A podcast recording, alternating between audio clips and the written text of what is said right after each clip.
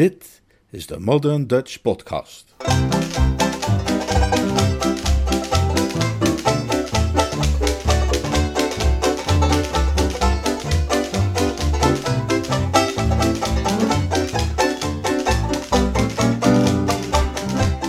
Jeeves en de Liefde.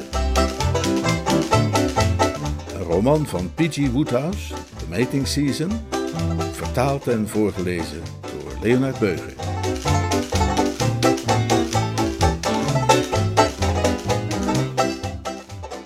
Hoofdstuk 10 En met het voorbijgaan van de dagen werden de vooruitzichten er alleen maar onzekerder op en de depressies veevormiger. Het was op een vrijdag geweest dat ik op Deverill Hall had ingeklokt, en toen het dinsdag werd, kon ik niet langer voor mezelf verhullen dat ik alle joligheid begon te verliezen, en dat, als de wolken niet snel hun beleid wijzigden en definitief lieten doorschemen dat er wel degelijk een zonnetje achter hen scheen, ik binnen de kortste keren diep in de put zou worden aangetroffen. Het is akelig om te zitten opgesloten in het hol van een stel gifkwijlende tantes die vervaarlijk met hun staarten zwiepen en je constant begluren vanuit de hoeken van hun rode ogen. Het is zenuwslopend te moeten beseffen dat je binnen enkele dagen op het podium zult staan van een dorpshal en een volle zaal van toehoorders die waarschijnlijk goed voorzien zijn van rottende groenten, zult moeten meedelen dat Janneman Robinson van hup, sakke, hup, sakke, hop doet.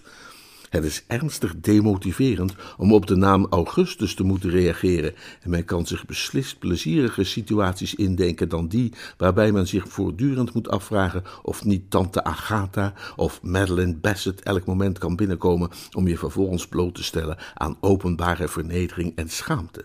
Dat is allemaal volkomen duidelijk, lijkt mij toch. Dat kunnen we als vanzelfsprekend beschouwen, nietwaar? Het waren dan ook niet zozeer die flarden van het wereldwijde web die de Woesterse bovenlip deden verslappen, nee, de ware wortel van alle ellende, de zorg waarvan ik s'nachts zwetend wakker werd en die mij overdag duizelingen bezorgde, en een uiterlijk als op de voorgebruikplaatjes in de advertenties voor Haddocks hoofdpijnhelers, was het sinistere gedrag van Gussie Fink Nottel. Als ik daarover nadacht, werd mijn ziel bevangen door een nameloze angst. Ik weet niet of uw ziel ooit bevangen is geweest door een nameloze angst, maar dat is iets heel onaangenaams. Ik had er regelmatig last van in de tijd dat ik behoorde tot het getal der gedoemden in de Malvern School Bramley aan Zee, wanneer ik de eerwaarde Aubrey Upjohn een reeks mededelingen hoorde afsluiten met de korte melding dat hij Woester na het avondgebed nog even wilde spreken in zijn studeerkamer. In het huidige geval was die nameloze angst komen opzetten tijdens het gesprekje met Gussie waarvan ik zojuist verslag heb gedaan, en had die zich ontwikkeld in de loop van de dagen daarna, totdat ik mij tenslotte, zoals dat heet, ten prooi voelde aan de meest kwellende en naargeestige verwachtingen. Ik weet niet of u inhoudelijk ook iets is opgevallen bij dat bedoelde gesprek. Ik bedoel, was er iets in dat u opviel, waardoor u tegen uzelf zei: Hela? Niet? Dan is de kern van de zaak u ontgaan. De eerste dag had ik alleen nog maar een vage verdenking, die zich echter op de tweede dag stevig verdiepte. Tegen de avond van de derde dag was het een zekerheid geworden. Het bewijs lag helder voor mij en de conclusie viel niet te ontlopen geheel niet tegenstaande het feit dat er op de Lorken, Wimbledon Common, een meisje verbleef aan wie hij trouw had beloofd, en dat nijdiger zou worden dan een jonge boeldog die zich in een rol plakband verstrikt als hij achterkwam dat hij avances maakte tegenover een ander, was Augustus Vinknotel als een baksteen gevallen voor de charmes van Corky Purbright. Kom, kom, Bertram, hoor ik u nu misschien zeggen, draaf je nu niet wat door? En rustig woester, dat beeld je je maar in. Maar ik kan u verzekeren dat ik niet de enige was die het was opgevallen. Vijf niet te ontlopen tantes hadden het eveneens geconstateerd. Schandelijk!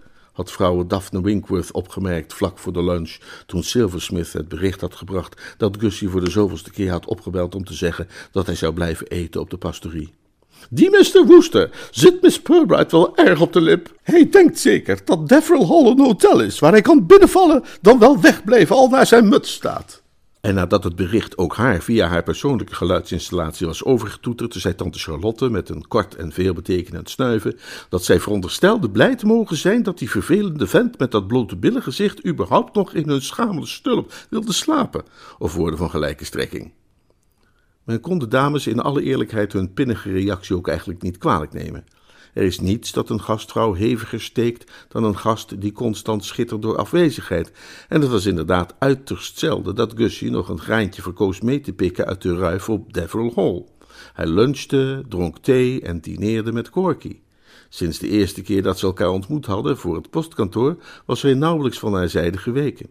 De menselijke hechtpleister, als het ware. U zult dan ook gemakkelijk begrijpen waarom er zich zulke zware kringen vertoonden onder mijn ogen, en waarom ik tegenwoordig bijna voortdurend een vriemelig gevoel had in mijn maag, alsof ik onlangs een ongewenst aantal muizen had ingeslikt. Er was maar een enkel woord voor nodig van vrouwe Daphne Winkworth aan mijn tante Agatha, dat kon suggereren dat haar neef Bertram in de klauwen was geraakt van een hoogst ongewenst vrouwspersoon, een filmactrice uit Hollywood nota bene. En ik zag haar dat zo duidelijk schrijven, alsof ik over haar schouder meekeek, en mijn bejaarde bloedverwante zou met de tong uit de mond richting Deverell Hall komen stormen. En wat dan? Niets dan wanhoop, troosteloosheid en ellende. Wanneer het hart de mens zo diep in de vruchteloos gepoetste schoenen is gezonken, is het een welhaast vanzelfsprekende koers zich tot Jeeves te wenden om raad. Toen ik na de lunch het kamermeisje Queenie tegenkwam op de gang voor mijn kamer, vroeg ik haar dan ook waar ik die zou kunnen vinden. Zeg, zei ik, ik vroeg me af of jij misschien wist waar Jeeves uithangt. Je weet wel, Woesters bediende. Ze staarde me verstandeloos aan. Haar ogen, die normaal gesproken glinsterden als twee sterren, waren dof en rood langs de randjes, en haar gezicht viel te beschrijven als gekweld of afgetopt. Ik had hier te maken met een kamermeisje dat ofwel in psychische onbalans was geraakt, dan wel te worstelen had met een stil verdriet. Meneer? zei ze op getormenteerde toon. Ik herhaalde mijn vraag en deze keer kwam hij over. Meneer Jeeves is er niet, meneer. Mr. Woester heeft hem vrijgegeven om naar Londen te gaan. Er was een lezing die hij graag wilde bijwonen. Oh, dankjewel, zei ik met toffe stem, want dit was nogal een slag voor mij. Je weet zeker niet wanneer hij weer terug is? Nee, meneer. Juist, uh, dankjewel. Ik ging mijn kamer binnen en nam de situatie zo helder mogelijk in ogenschouw. Als je het een van die hoge pieten zou vragen die zich in diplomatieke kringen bewegen en gewend zijn om lastige staatszaken op te lossen, dan zou die je zeggen dat wanneer een kwestie echt helemaal is vastgelopen, het geen enkele zin heeft om achterover te gaan zitten en de blik hemelwaarts te richten. Want juist dan moet je de laatste stenen gaan omdraaien, de onderste strohalm zien te grijpen en de juiste stappen nemen via de daartoe geëigende kanalen. Alleen dan kun je nog hoop hebben het toverwoord te vinden. Dankzij ingespannen nadenken kwam ik tot de overtuiging dat in de huidige crisis wellicht iets constructiefs zou kunnen worden bereikt door zo snel mogelijk Corky te benaderen en haar er in een open en eerlijke confrontatie op te wijzen in welke risicovolle situatie zij een oude vriend en dansleskameraad bracht door Gussie zoveel ruimte te geven tot gekwijlenbabbel en geflikvlooi. Ik verliet derhalve mijn kamer weer en kon enige minuten later worden waargenomen terwijl ik met gezwinde pas het domein doorkruiste op weg naar het dorp. Sterker nog, ik werd ook daadwerkelijk waargenomen en wel door de wel edelgeboren vrouw Daphne Winkworth. Ik was vlak bij het begin van de oprijlaan en op een haar na in veiligheid toen iemand mijn naam riep, of liever gezegd Gussie's naam, en ik die ijzingwekkende oude tang in de rozentuin zag staan. Uit het feit dat zij een gifspuit in de hand klemde, kon ik afleiden dat zij bezig was de lokale bladluizenpopulatie in het verderf te storten. Kom jij eens even hier, Augustus, zei ze. Ja, dat was nu wel het allerlaatste dat ik gedaan zou hebben, was mij de keus gelaten, want zelfs op haar beste momenten joeg deze levensgevaarlijke fakes de burger meer angst aan dan een bataljon dragonders. En op dit moment oogde zij in feite nog een factor tien bedreigender dan gewoonlijk. Haar stem klonk kil, haar blik was ijskoud en de wijze waarop zij die gifspuit hanteerde stond mij in het geheel niet aan. Het was duidelijk dat ik om de een of andere reden in haar waardering was afgedaald tot het niveau van de bladluis, en haar houding was die van een vrouw die bij de minste aanleiding bereid was de trekker over te halen en mij een ferme portie van het helse brouwsel uit haar massavernietigingswapen regelrecht in de postzegel te spuiten. Oh, hallo, zei ik, in een pijnlijk mislukkende poging luchthartig te blijven. De rozenstruiken aan het besproeien? De rozenstruiken zijn even niet aan de orde. Oh ja, nee, ja, juist, tuurlijk niet, zei ik. Ze stonden ook niet bovenaan mijn prioriteitenlijstje. Ik improviseerde ook maar wat. Augustus, wat hoor ik? Excuseer? Excuses kun jij beter aan Madeline vragen. Raadselachtige opmerking. Heel mysterieus. Ik kreeg de indruk dat hier een wel edelgeboren vertegenwoordigster van het Britse Rijk uit haar nek stond te kletsen. Toen ik daarnet even in huis was, ging ze verder, arriveerde er juist een telegram van Madeline. Het werd vanaf het postkantoor deur gebeld. Ze bellen soms een telegram deur, de andere keren komen ze dan de deur afleveren. Ah, juist, ah, afhankelijk van de inspiratie van het moment. Val alsjeblieft niet in de reden. Deze keer werd het bericht in elk geval deur gebeld, en daar ik juist in de hal was toen de telefoon ging, heb ik het opgenomen. Oh, het is toch heel uh, bijzonder vriendelijk van u, zei ik. Het leek me dat een hoffelijke opmerking nooit verkeerd was. Maar ik had kennelijk toch iets fout gedaan. Het beviel haar niets. Ze fronste, hief de gifspuit nog wat hoger en, alsof ze zich juist op tijd realiseerde dat zij een devrail was, bracht ze hem daarna weer omlaag. Ik heb je al eens gevraagd om mij niet in de reden te vallen. Maar goed, ik heb dat bericht dus genoteerd en hier heb ik het voor je. Oh nee, toch niet, zei ze nadat zij kleding had doorzocht. Ik moet het op het tafeltje in de hal hebben laten liggen. Maar ik kan je wel vertellen wat erin stond. Madeline zegt dat ze nog geen enkele brief van je heeft ontvangen sinds je hier op de hal bent aangekomen. En ze zou graag willen weten waarom. Jouw onbegrijpelijk verzuim heeft haar deerlijk ongerust gemaakt en dat verbaast mij niets. Je weet wat een gevoelig meisje zij is. Je had haar iedere dag behoren te schrijven. Ik heb eenvoudig geen woorden voor je harteloze gedrag. Dat is wat ik jou zeggen wilde, Augustus, zei ze. En ze zond me heen met een gebaar van grote minachting, als was ik een bladluis die zelfs niet voldeed aan de gemiddelde eisen voor een doorsnee beschaafde bladluis. Ik wankelde heen totdat ik op een rustieke tuinbank stuitte, waarop ik mij voorzichtig neerliet. De informatie waarmee ze mij had overvallen, dat hoef ik natuurlijk niet toe te lichten, had mij getroffen als een klap achter het oor met een sok gevuld met nat zand. Slechts één keer eerder tijdens mijn loopbaan had ik een emotionele slag gekregen van een dergelijk vergelijkbaar niveau. Namelijk een keer dat Freddy Widgeon van de drones achter mij aan was geslopen, met een autotoeter in zijn hand, terwijl ik in een wat dromerige toestand Dover Street overstak. En plotseling vlag achter mij in mijn oor klaksoneerde. Het was nooit zelfs maar bij me opgekomen dat Gussie niet dagelijks brieven aan La Bassett zou sturen. Dat was tenslotte waarom hij naar dit Edgar Allan Poe-oord was gekomen. En ik had zonder meer aangenomen dat hij dat dan ook deed. Het hoefde niet voor me uitgerekend te worden wat er de gevolgen van zouden zijn als hij die stakingsactie voortzette. Als hij er nog lang er het zwijgen toe deed, zou zij van Bassett ongetwijfeld in hoogst eigen persoon op inspectie komen. En de gedachte aan wat er dan zou gebeuren deed mijn bloed stollen en mijn tenen opkrullen. Het is misschien een minuut of tien geweest dat ik daar bewegingloos bleef zitten, de mond opengezakt, de nietziende blik gericht op het omringende landschap. Ten slotte wist ik mezelf bijeen te harken en zette ik mijn tocht voort. Terecht zegt men van Bertram Wooster dat hij dan wel eens op een rustieke tuinbank ineen mag zinken en een tijd lang de indruk mag wekken mentaal aan lager wal te zijn geraakt, maar dat het oude vuur toch altijd weer op een of andere manier in hem kan worden opgerakeld. Onder het lopen vormde ik harde en bittere gedachten omtrent Corky, de fons et origo, als u begrijpt wat ik bedoel met fons et origo, van alle ellende. Zij was het die door schaamteloos met hem te flirten, door hem onafgebroken haar stralende glimlach toe te werpen en regelmatig de snelle zijdelingse blik uit de ooghoek, Gussie volkomen had afgeleid van waar hij voor gekomen was en hem als lokale correspondent krachteloos had gemaakt. O vrouw, o vrouw, zei ik tegen mezelf, en niet voor de eerste keer er meer en meer van overtuigd dat hoe sneller het andere geslacht definitief zou worden beteugeld, hoe beter dat voor ons allemaal zou zijn.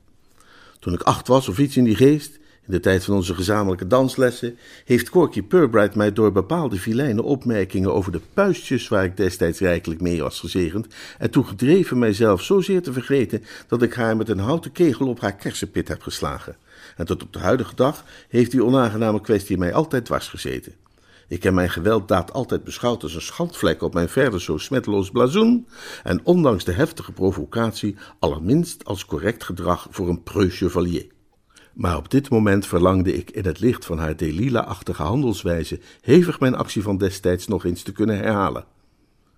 Ik schreed verder, terwijl ik intussen in gedachten openingszinnen beproefde die ik zou kunnen gebruiken als ik haar zag, en niet ver van de pastorie kwam ik haar inderdaad tegen, gezeten achter het stuur van haar auto aan de kant van de weg.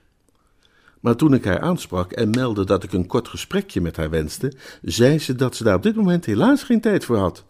Ze had het die middag heel druk, legde ze uit. In het kader van haar mantelzorgfunctie moest ze namens haar oom, de godvruchtige Sidney, dringend een pannetje heilzame soep gaan brengen naar een van zijn behoeftige parochianen.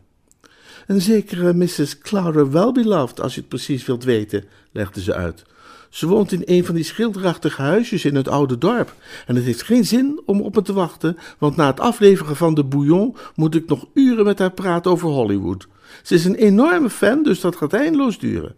Een andere keer dus, mijn lammetje. Ja, maar, Corky, luister nou. Jij vraagt je waarschijnlijk af, waar is die soep? Die was ik helaas een beetje vergeten. En Gussie loopt op dit moment even terug om die te halen. Wat een verrukkelijke man is die Gussie toch, Bertie? Zo lief, zo behulpzaam. Altijd bij de hand om boodschapjes voor me te doen als het nodig is. En een eindeloze bron van schitterende verhalen over watersalamanders. Ik heb mijn handtekening gegeven. En nu we het over handtekeningen hebben, ik heb vanmorgen een bericht gekregen van je neefje Thomas. De jonge Tos kan me geen lor schelen. Wat ik wilde. Ze liet me alweer niet uitspreken, zoals meisjes nooit doen. Ik heb veel ervaring als het gaat om die neiging bij het vrouwelijk geslacht niet te willen luisteren als je iets tegen hen zegt. En dat heeft me altijd veel medegevoel geschonken voor wat betreft die kerels uit de psalm, die een dove adder probeerden te bezweren, maar zo weinig reactie kregen als van het publiek op een woensdagmiddagmatinee.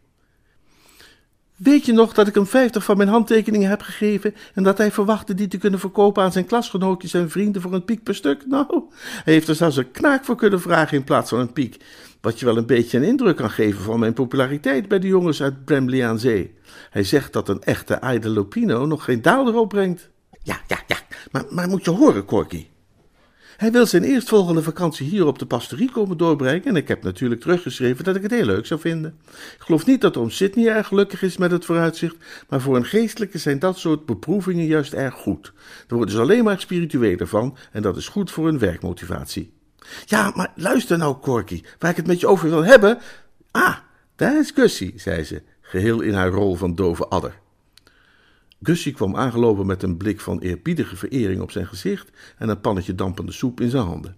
Corky schonk hem een spetterende glimlach die dwars door hem leek heen te gaan als een gloeiende kogel door een pakje boter en borg het pannetje achter in de auto. Dank je wel, Gussie, je bent een schat hoor, zei ze.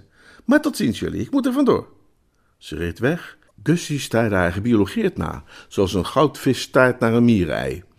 Hij bleef echter niet lang staan staren, want ik poorde hem krachtig met mijn wijsvinger tussen de derde en de vierde rib, wat hem met een fel auw tot leven wekte. Gussie, zei ik zonder te treuzelen, dralen of ergens doekjes om te winden. Wat hoor ik? Vertik jij het om brieven te schrijven aan Madeline? Madeline? Madeline. Oh, Madeline. Ja, Madeline. Je had haar elke dag moeten schrijven. Die opmerking viel niet in goede aarde. Hoe kan ik haar nou eens hemelsnaam elke dag schrijven? Dacht je dat ik nog gelegenheid had om brieven te schrijven, als ik iedere minuut nodig heb om mijn tekst te leren voor die komische scène en om effectieve spelbreeddragen te verzinnen? Voor schrijven heb ik absoluut geen tijd. Nou, dan maak je maar tijd. Besef je wel dat ze begonnen is ongeruste telegrammen te sturen? Je moet beslist vandaag nog schrijven. Wat? Naar Madeline? Ja, druil hoor, naar Madeline. Tot mijn verbazing blikte hij mij bars aan door zijn spiegelruiten. Madeline kan de boom in. Ik schrijf haar niet, zei hij. En hij zou mij aan een muilezel hebben doen denken als hij niet al zo sterk op een vis had geleken. Ik zal haar eens een lesje leren. Wat zul je haar? Een lesje leren.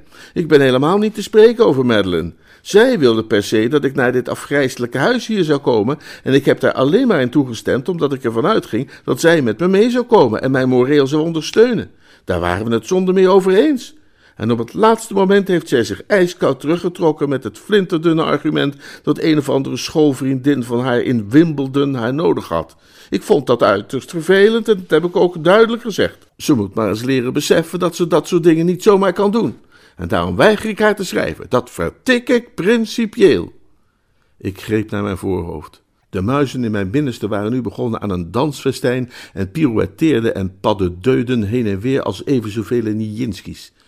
Gussie, zei ik, ik vraag het je nog één keer. Ben je wel of niet van plan om nu meteen naar binnen te gaan om een brief van acht kantjes aan Madeline te componeren, waarbij jouw liefde voor haar uit elke lettergrip opklinkt? Nee, dat ben ik niet, zei hij, en hij liet mij eenvoudigweg staan. Verbijsterd en verslagen keerde ik terug naar de hall. En de eerste die ik daar tegenkwam was Catsmeet. Hij lag in mijn kamer op mijn bed met een van mijn sigaretten in zijn mond. Zijn portret vertoonde een dromerige uitdrukking, alsof hij aan Gertrude Winkworth dacht.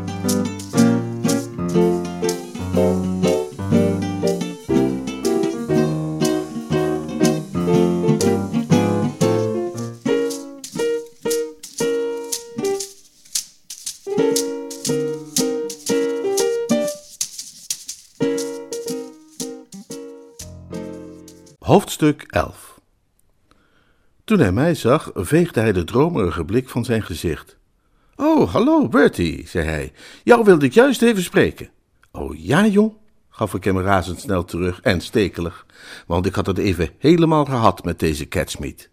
Uit eigen vrije wil had hij het baantje op zich genomen van mijn persoonlijke bediende, wil ik maar zeggen, en uit dien hoofde had hij voortdurend in en uit moeten lopen om hier een koffer uit te pakken, daar een pantalon te persen en zich in het algemeen nuttig te maken. Maar in de praktijk had ik hem niet meer gezien sinds de avond dat we hier waren aangekomen. Ik noem dat ronduit plichtsverzaking. Ik kwam je het goede nieuws vertellen. Ik produceerde een holle lach. het goede nieuws. Bestaat er zoiets? Ja, nou en of. Er zit schot in. De wolken beginnen op te trekken. Volgens mij gaat het me lukken met Gertrude. De onzinnige sociale regels in zo'n huis als dit maken het natuurlijk onmogelijk dat een bezoekende bediende aanpapt met de dochter des huizes, dus ik heb nog nauwelijks met haar kunnen spreken, maar ik heb haar via Jeeves briefjes kunnen sturen. En zij heeft mij via Jeeves briefjes teruggestuurd, en uit het laatste daarvan blijkt duidelijk dat zij gehoor begint te geven aan mijn gebeden. Ik schat dat ik met nog twee depeches, mits zorgvuldig geformuleerd, ben waar ik wezen wil. Je hoeft het peper- en zoutstel nog niet direct uh, te kopen, maar hou je gereed. Mijn nijdigheid trok weg. Zoals ik al wel eerder heb opgemerkt, zijn wij woesters redelijk en rechtschapen van aard. Ik besefte ten volle wat een ongelofelijke klus zulke liefdesbrieven vormen. Dat is een volledige dagtaak die onafgebroken concentratie vergt. Als Catsmeet inderdaad zo druk bezig was geweest met dergelijke correspondentie, sprak het vanzelf dat hij maar weinig tijd en aandacht had overgehouden voor mijn garderobe. Als je bezig bent een meisje in te pakken, is het lastig intussen koffers uit te pakken. Nou, dat is dan mooi, zei ik, blij dat te midden van al die sombere vooruitzichten er tenminste iemand was die een sprankje licht ontwaarde. Ik zal je verdere loopbaan volgen met gepaste interesse. Maar jouw liefdesleven even terzijde, Catsmeet. Er is iets afgrijselijks gebeurd. En ik zou heel blij zijn als jij misschien iets kon bijdragen op het gebied van hulp en bijstand. Die, die, die levensgevaarlijke gek van een Gussie, wat heeft hij nou weer gedaan? Het is juist iets wat hij niet heeft gedaan, de sukkel. Ik sloeg steil als een muur achterover toen ik daarnet te horen kreeg dat hij nog geen letter aan Madeleine Bassett heeft geschreven sinds hij hier is. En wat nog erger is, hij beweert dat hij niet van plan is dat te doen ook. Hij zegt dat hij haar een lesje wil leren zei ik en confronteerde hem in korte bewoordingen met de feiten. Hij keek serieus bezorgd. Catsmeet is een vriendelijk en gevoelig man die het zich aantrekt wanneer hij een oude vriend in de uiensoep terecht ziet komen. En hij weet hoe de zaken liggen tussen Madeleine Bassett en mij, want zij had hem het hele verhaal een keer verteld toen mijn naam ter sprake kwam tijdens een of andere kermisbezoek. Dat is behoorlijk ernstig, zei hij. Nou, reken maar, ik sta op mijn benen te trillen. Meisjes van het type Madeleine Bassett vinden een dagelijkse brief heel erg belangrijk. Precies. En als die dagelijkse brief niet arriveert, komen ze ter plekke polshoog te nemen. En Gussie is er niet toe te bewegen, zeg je? Voor geen millimeter. Ik heb gepraat als brugman, mag ik wel zeggen, maar hij houdt zijn oren dicht en weigert alle medewerking. Volgens mij weet ik wel wat hij achtersteekt.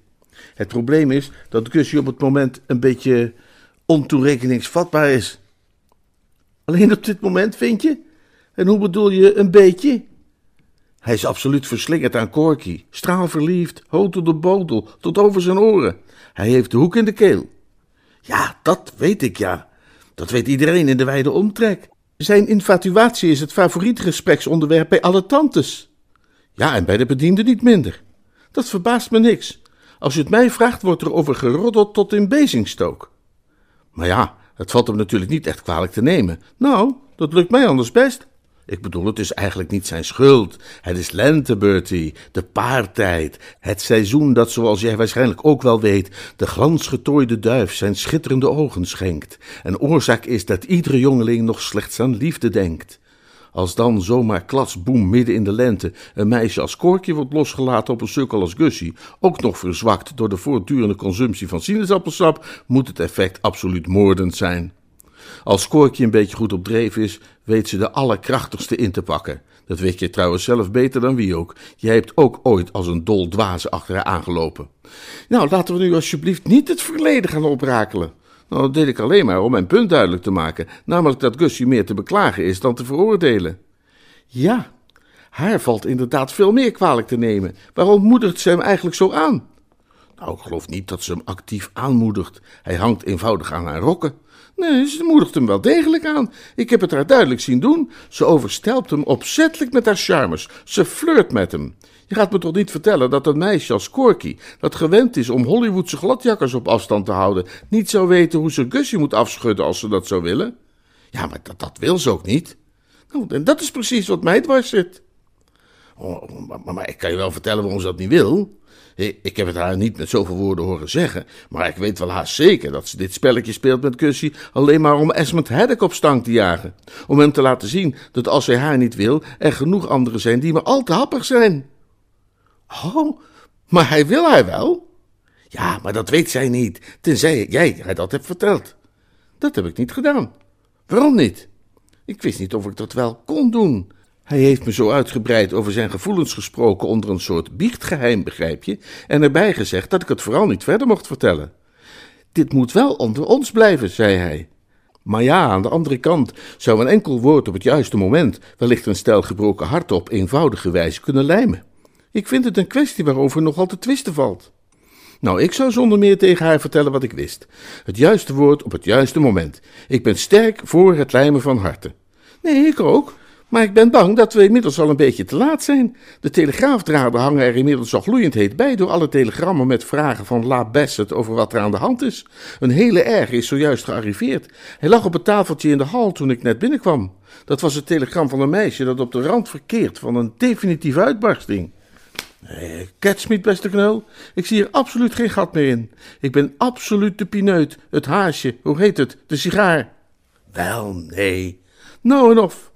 Toen ik Gussie over dat telegram vertelde en erop aandrong dat hij nu toch echt zijn maatregelen moest nemen, haalde hij alleen zijn schouders maar op en zei dat hij het kind nu een serieus een lesje wilde leren en dat zij geen letter van hem te lezen zou krijgen tot zij dat lesje ook inderdaad uit haar hoofd kende. De man is non compos mentis en ik herhaal dat ik er echt geen gat meer in zie. Nou, mij lijkt het toch allemaal vrij simpel. Bedoel je dat je een idee hebt? Ja, natuurlijk heb ik een idee. Ik heb altijd wel een idee. Ligt ook nogal voor de hand. Als Gusje dat kind niet wil schrijven, dan moet jij het doen. Ja, maar ze zit niet te wachten op een brief van mij. Ze wil iets te horen krijgen van Gussie. Ja, dat zal ze ook, de brave meid. Maar Gussie heeft zijn pols verstuikt, zodat hij die brief aan jou heeft moeten dicteren. Gussie heeft zijn pols helemaal niet verstuikt. Oh nee, nou, hij heeft hem heel lelijk bezeerd toen hij dat op hol geslagen paard met gevaar voor eigen leven heeft weten tegen te houden, waardoor een klein kind gered werd van een wisse dood. Een kind met gouden lokken, zou ik willen adviseren, met blauwe ogen en blozende wangen, en, en, en, dat een beetje slist. Een beetje slissen doet het altijd wel goed, dacht je ook niet? Ik haalde diep adem. Ik snapte waar hij heen wilde. Maar dat is geweldig, Catsmeet. Ga jij dat voor me schrijven? Natuurlijk, dat is een eitje. Ik schrijf Gertrude al dat soort brieven sinds ik een kleuter was. Hij ging aan tafel zitten, nam pen en papier en verdiepte zich ogenblikkelijk in zijn scheppende werkzaamheden, zoals de uitdrukking luidt. Het was duidelijk dat het geen grootspraak geweest was toen hij had gezegd dat het voor hem een eitje was. Hij schreef het achter elkaar op en hoefde kennelijk geen moment na te denken. In een ommezien was hij klaar en overhandigde hij mij het voltooide script met de opdracht het netjes op de juiste manier over te schrijven. Die brief moet meteen verstuurd worden. Elke seconde telt. Je kunt hem het beste zelf naar het postkantoor brengen. Dan heeft ze hem morgen vroeg. Maar nu, Bertie, ga ik je verder in de steek laten. Ik heb Queenie beloofd dat ik een potje met haar zou komen kaarten en ik ben al aan de late kant. Dat arme kind moet dringend wat worden opgevrolijkt. Heb je al gehoord wat haar is overkomen? Heel tragisch. Haar verloving is uit met Dobbs, de koddenbijer. Ach, is haar verloving uit? Dat is dan natuurlijk waarom zij zo sip uitzag. Ik zag haar toevallig even na de lunch, legde ik uit, en ik kreeg al de indruk dat er haar iets op het hart drukte. Wat is er misgegaan? Dat beviel haar niets dat hij een atheïst was, maar hij wilde het atheïsme niet opgeven. En uiteindelijk maakte hij een opmerking over Jonas en de walvis die zij onmogelijk door de vingers kon zien. Vanmorgen heeft ze hem zijn ring teruggegeven, zijn brieven en een porseleinen tierenlantijntje met groeten uit Blackpool erop, dat hij vorig jaar voor haar had meegebracht toen hij op bezoek was geweest bij zijn familie in het noorden. Ik ben bang dat het erg hard bij haar is aangekomen. Voor haar een beproeving als in de gloeiende oven, als je het mij vraagt. Ze houdt zielsveel van hem en zou heel graag de zijne wezen, maar zulke spotternij als met Jonas en de walvis zal ze nooit van haar leven kunnen accepteren. Ik kan alleen maar hopen dat een spelletje kaart haar leed wat zal verlichten. Maar goed, Bertie, zorg dat je die brief de deur uitkrijgt. Het is misschien niet een van mijn sterkste, want het was een beetje een haastklus en ik had geen gelegenheid om er nog wat aan te schuren en te polijsten, maar ik denk toch dat hij haar wel zal bevallen. En hij had gelijk. Ik bestudeerde het epistel zorgvuldig en was diep onder de indruk van zijn virtuositeit. Als dit niet een van zijn sterkste was, dan moet zijn sterkste wel heel erg goed geweest zijn. En het verbaasde me niets dat Gertrude Winkworth na het ontvangen van een reeks van deze dingen begon te bezwijken. Er zijn brieven waarbij je afvraagt of een bepaalde wending niet wat zorgvuldiger had kunnen worden geformuleerd of niet net iets aansprekender. En er zijn brieven waarvan je meteen zegt: dit is het helemaal, niks aan veranderen. Deze brief viel geheel en al in die laatste categorie. Hij had precies de juiste bescheiden toon weten te treffen in de passage over het op hol geslagen paard, en het slissende kindje was werkelijk fantastisch. Ze sprong er helemaal uit en stal de show. En wat de intiemere gedeelte betrof, over hoe hij, althans Gussie dan, Madeline iedere minuut miste en wenste dat ze hier was, zodat hij haar in zijn armen kon sluiten en wat al niet, die gedeelte konden eenvoudig niet treffender. Ik schreef het hele geval over, stopte het in een enveloppe en bracht het naar het postkantoor. En nauwelijks was die brief in de brievenbus geploft, of ik hoorde achter mij een muzikale sopraan mijn naam kwelen. Ik draaide mij om en daar kwam Corky langs zij.